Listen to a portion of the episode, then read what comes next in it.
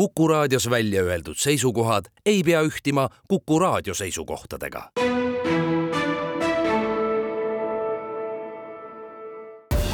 Tartu linnasaade.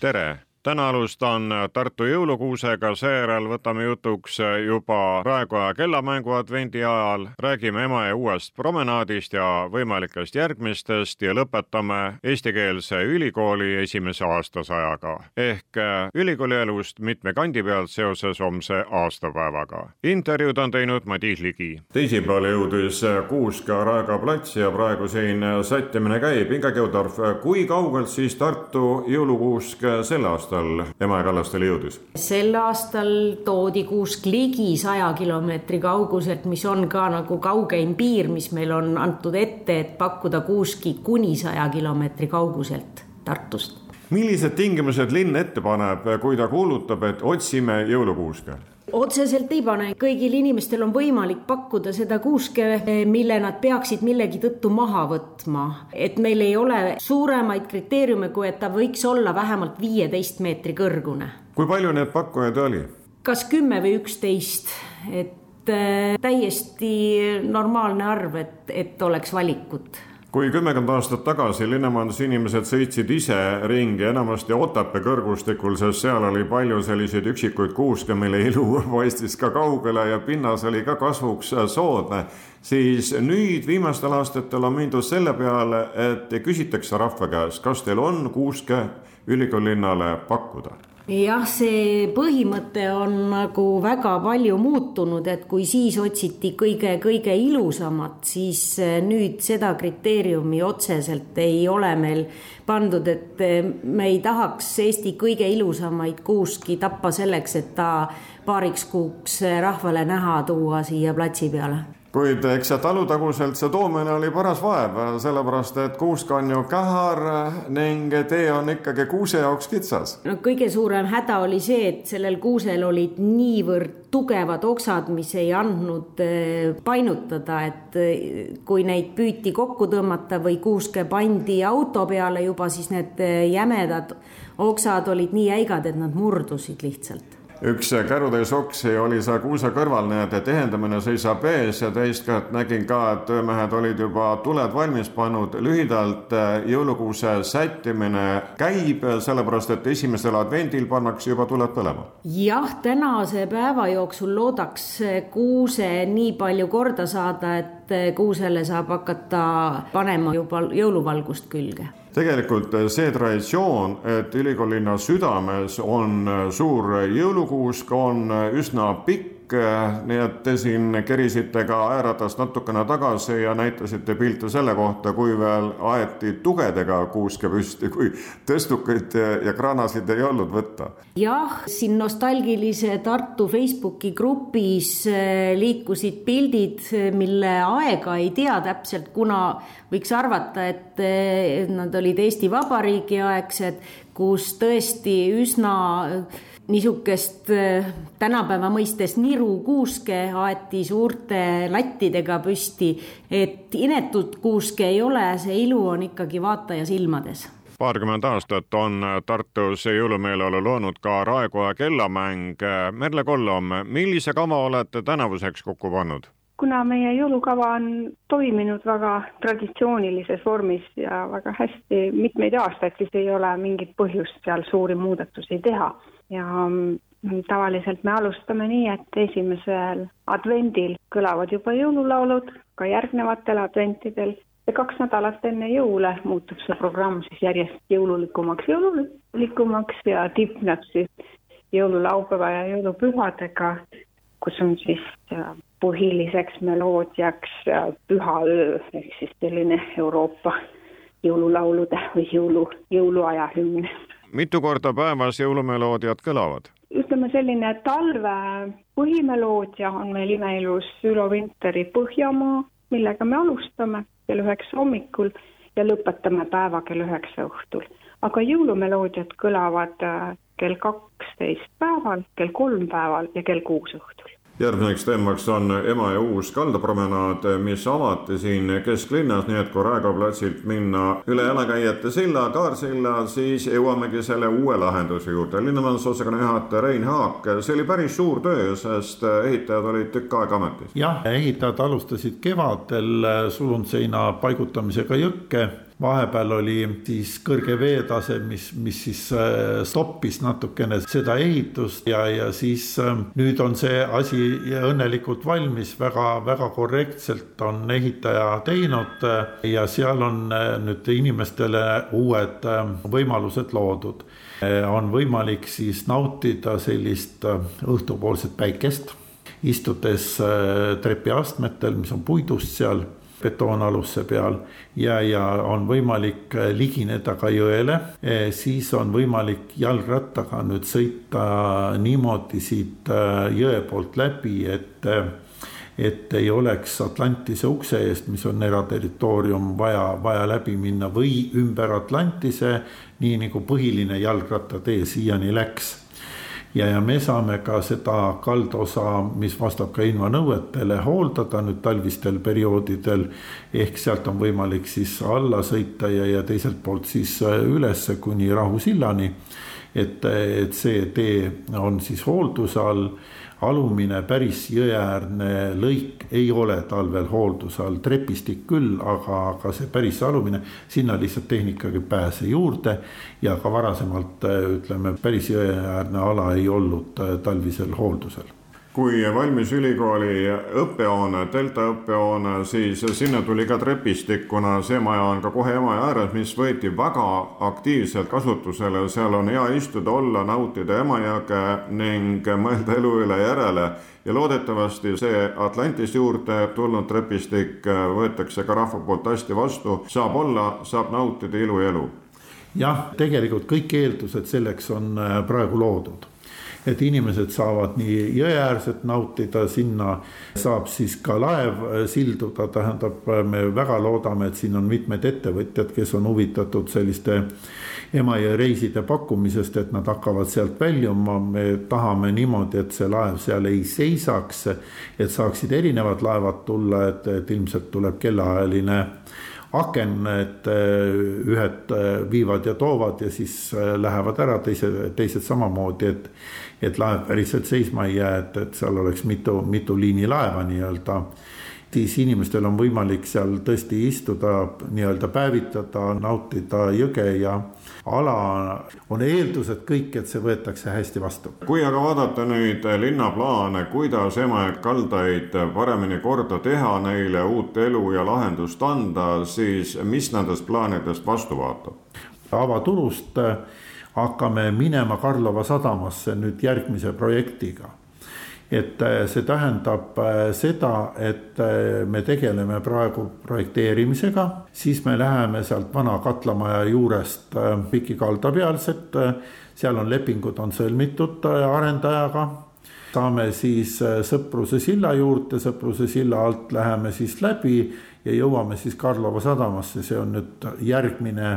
suurem plaan äh, kallaste avamisele, ka puhkealade tegemisele, ütleme, ja see ehitus ei saa väga kaugele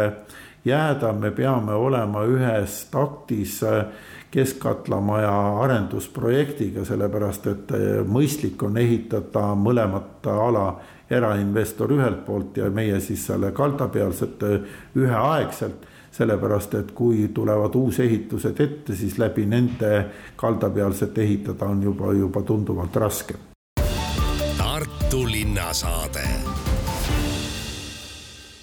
lõpetan saate homse sünnipäevalapse saja neljaseks saava Rahvusülikooliga. sel nädalal esitleti ka raamatut eestikeelse Tartu Ülikooli esimene aastasada. autor, kaasprofessor Erkki Tammiksaar on minu vestluskaaslaseks. suur töö on nüüd ühele poole saanud. selle raamatu sünd oli selles mõttes keeruline, ma arvasin, me tunneme nagu ülikooli ajalugu nagu väga hästi, aga tegelikult nagu selgus peaaegu üldse mitte, et et selles mõttes see materjali hulk oli nagu väga suur, et kui sa võrdleme siin, et kui vaatad mingi keskaegset äh, nii-öelda nagu materjali hulka, et sul on viissada või viis tuhat mingit materjali, siin kümnete meetritega on sul nii-öelda nagu materjali, kui isegi mitte öelda sadade.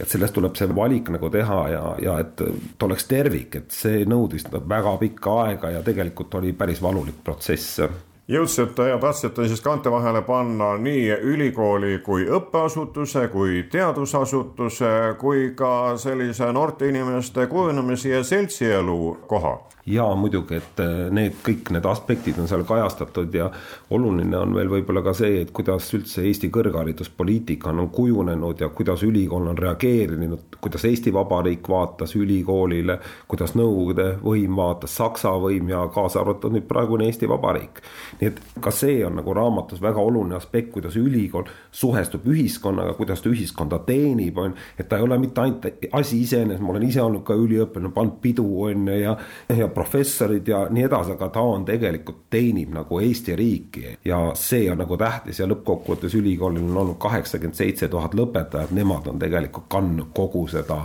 valgust üle Eesti riigi ja seda rahvuslikku vaimsust ja ka eestimeelsust ning ka muidugi akadeemilist vaimsust vaatame siis päris saja aasta taha, kui Rahvusülikool sündis, millised rajajooned maha pandi ja kui palju nende üle vaieldi, kus suunas minna? tegelikult äh, väga palju neid inimesi, kes oleks suutnud ja üldse suutnud nagu mõtestada seda, et kuidas peab ülikool välja nägema, neid tegelikult ei olnud. ma pean silmas nüüd eestlasi, oli üks märgiline mees, tema nimi oli Peeter Põld tema oli see mees, kes tegelikult oli kooliõpetaja, tal oli ainsana tegelikult nägemus, kuidas peab kõrgharidus välja nägema. ja ütleme, et see peab olema teaduskeskus, see peab olema mitmekeelne, on ju, ja eile Kristjan Vassil ka kõneles tegelikult sellest ülikooli raamatu esitlusel. ja suuresti see ülikool oli tegelikult nagu Peeter Põllu nägu. on muidugi selge see, et oli väga palju nii-öelda nagu rahvuslasi, eestlasi, kes tegelikult ei tahtnud sakslasi, näiteks Heinrich Riiko ja nii edasi, kes tegelikult võitlesid, et, et saaks sakslastest nagu lahti, on ju, et oleks päris Eesti ülikool ja nii edasi. see ei ole peaaegu kunagi õnnestunud, on ju, selles mõttes, et oleks täiesti eesti keel, aga vaadates tänast konteksti, siis on ka selge, et see ei ole absoluutselt võimalik, on selge, et ülikool peab olema mitmekeelne, aga tähtis, et ta on ikka ka eestikeelne, on ju no eks need võitlused jäid ka nõukogude aega, kus püüti ikkagi seda eestimeelsust ja keelsust säilitada akadeemilistes ringkondades eriti. no loomulikult ma isegi noh, ütleme, see oli tegelikult iseenesestmõistetav, et see no ütleme, see Nõukogude võim, ütleme, kui tahtis teha Nõukogude rahvast alates tuhat üheksasada seitsekümmend kaheksa, kui võeti uus konstitutsioon vastu, aga see ei läinud mitte kunagi tegelikult läbi, et selge see, et et noh, mõned inimesed olid parteis, teised ei olnud, aga see ei olnud sageli see, et nad olid väga ideoloogilised loogiliselt, tegelikult oli võimalik asju ajada lihtsamini nii-öelda nagu parteikomitees kui ülikooli nõukogus, et saavutada mingid tulemused. me näeme tegelikult ju ka täna, et väga mitmed inimesed on ikkagi ka parteis, need parteid on erinevad. ega see ka noh, ütleme mõnes mõttes see toimib samat moodi, et ikkagi olla võimu juures või ja et saada otsustada, et see on mõnes mõttes täiesti normaalne asi, et ma isegi nagu noh, ei heidaks seda kellelegi ette, et, et noh, neid ideoloogilisi inimesi kindlasti oli ja no muidugi me võime oma kasu nii-öelda natukene halvaks panna, on ju, aga noh, ütleme, olud on sellised, et inimesed jäävad alati inimesteks ja nad kõik tahavad kuidagi paremat kohta ja paremat elu. Aga ilmselt selle saja aasta jooksul, mis nüüd kaante vahele on saanud, on ülikool ikkagi kui universitas vabariigis ja mitte ainult vabariigis silma paistnud ja ka suundi andnud. Ja ma olen selles mõttes absoluutselt nõus, et ülikool on kahtlemata olnud absoluutselt oluline nii-öelda nagu suunaandja, eriti üheksakümnendatel aastatel. see on nii, nagu oli Peeter Põld oli tuhande üheksasaja kahekümnendat, tuhat üheksasada üheksateist, kakskümmend, kakskümmend kolm on ju. siis äh, Jüri Kärner, Peeter Tulviste, Jaak Aaviksoo, kui nad teevad ülikoolile arengukava, ülikool saab oma seaduse, tegelikult noh, ütleme, nad näitavad ja ütlevad kogu aeg, et me teame, ülikoolil on ambitsioon, me teame, kuidas edasi minna ja tegelikult riik juhindub ka suuresti nagu ütleme seal üheksakümnendatel ülikooli järgi. ja ülikool väga tugevasti mõjutab nii seadusandlust ja tegelikult ka oma positsiooni, mis viib tegelikult selleni, et Teaduste Akadeemia ju teatavasti ühendatakse või instituudid ühendatakse ülikoolidega ja nii edasi, et see on väga tugevasti ülikooli ja, ja mõnede inimeste taga, keda ma siin ka nimetasin kui vaadata nüüd eestikeelse ülikooli ajalugu, siis me saame seda vaadata ka ja hinnata Tartu linna kontekstis, sest Tartu on ikkagi ülikoolilinn aastasadu olnud, kuigi me räägime täna jah, siin emakeelse ülikooli sajast aastast, mis nüüd raamatusse on jõudnud. kuid äh, ülikool määrab ka Tartu linna arengu, kuhu mida ehitatakse, millal ehk kui suur osa on ülikoolil Tartu linna kui haldusüksuse arengus no kindlasti on olnud, ütleme see, kui Eesti Vabariigi aega nagu vaadata, siis noh, tegelikult ei ehitatud ülikoolile midagi ja viiekümnendatel aastatel tegelikult on niisama probleem. et see ülikooli väljaehitamine tuleb alles kuuekümnendate aastate lõpul, kui juba Tallinna Polütehniline Instituut, tänane Tehnikaülikool on tegelikult välja ehitatud, ka Maaülikool natuke on suuresti juba välja ehitatud, siis jõuab järjekord nagu ka Tartu Ülikooli kätte ja esialgu ju plaaniti ülikooli laiendada supilinna. see mõte oli nagu ja isegi perspektiivplaan on noh, ütleme selles raamatus nagu olemas, et kuidas seda kavatsete, aga noh, ütleme lõppvõttes Karl Vaino, nad said nagu aru, et kui nad lõhuvad nagu need majad ära, nad peavad kõikidele tegema nagu uued elukohad, et läheb liiga kalliks on ju. ja see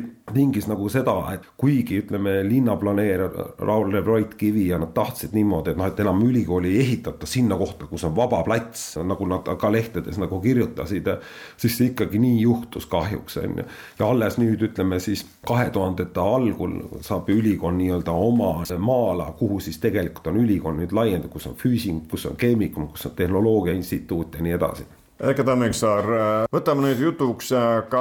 siis selle aastapäeva tähistamise. praegu on kombeks ülikooli aastapäeva puhul pidada aktust, palli, jagada tunnustust, audoktori tiitleid ja muud. kuidas oli see Rahvusülikooli algaastatel? audoktori diplomeid tõesti anti ikkagi välja, kõik ülikoolid on seda kogu aeg nagu teinud, aga ütleme, mingeid siukseid regaale, et noh, nagu rektori kett ja mingeid siukseid asju ei olnud, tegelikult ei olnud ülikoolil ka mitte üht medalit, millega nagu inimesi tänada, kes on midagi nagu ülikooli heaks teinud, et seda esimesena teeb alles Arnold Koop tuhat üheksasada seitsekümmend kaks, kui hakatakse andma ülikooli medalit välja, me teame, täna on seda väga palju edasi arendatud ja ülikoolil on väga erinevaid medaleid ka poliitikutel või ülikooli välistel inimestel anda, rahvusmõtte auhind on ülikooli suur ja väike medal, tänutäht ja nii edasi, et, et see süsteem on nagu arenenud ja selles mõttes ta ikkagi on nagu hoopis teine asi ja noh, vanasti ka, kui rektorite vahetus, kui vaadata, kuidas noh, ütleme Coop ja Clement siis noh, ütleme on ülikooli nõukogu saalis surutakse kätt ja parteikomitee esimees on seal ka kohal, EKP keskkomitee teadusosakonna juhataja on ju, siis nüüd see on hoopis teistmoodi ja palju pidulikum ja kui Kärner saab nagu rektoriks ja see maailm natuke nagu avaneb, see oli hea, et see kett tehti, sest oli juba ennem välismaal käinud ja kõik vennad käivad seal suurte kettidega talaarides, see on nagu valge vares seal tegelikult on, see pidi tegema, et need asjad olid tegelikult täiesti aru saada, miks neid tehti, võib-olla mõtlesin, oi, miks me siin nagu väga hirmsal kombel siin püüame esitada, aga sa pead olema teistega võrdväärne, sa ei saa seal lihtsalt olla nagu noh, ütleme mingi suvaline vend ja oled lipsuga ja siis niimoodi ongi, et ei, see, see ei saanud olla nii, nii et ülikool on selles mõttes väga palju arenenud ja tema need regaalid on tegelikult Eesti kultuuris ka ju ja ütleme nagu nähtavad asjad, et noh, kui jälle homme antakse ju kätte jälle rahvusmõtte auhind, et see on nagu väga oluline ja suur asi, mille meedia kõik tunnevad huvi, sest et noh, see on ikkagi nagu üks kõige olulisemaid auhindu, mida üldse Eestis nagu välja antakse raamat on nüüd äh, valmis saanud, esitlus on toimunud. Äh, kas ta on ka juba müügilettidel? Mm. Eestikeelse ülikooli esimene sada. Ja kõik, kes soovivad, saavad seda osta nii poodides kui ka tegelikult ülikooli kirjastusest. kallid kuulajad, nii palju tänaseks. Tartu jõulukuusest rääkis linnavalitsuse haljastuse peaspetsialist Inga Kiudorf, praegu aeg kellamängust advendi ajal selle koostaja Merle Kollom, Emajõe kaldapromenaadist linnavalitsuse osakonna juhataja Rein Haak ning raamatust Eestikeelse Tartu Ülikooli esimene aastasada autor kaasprofessor Erkki Tammiksaar. Neid usutles Madis Ligi. aitäh kuulamast, olge terved! Tartu linnasaade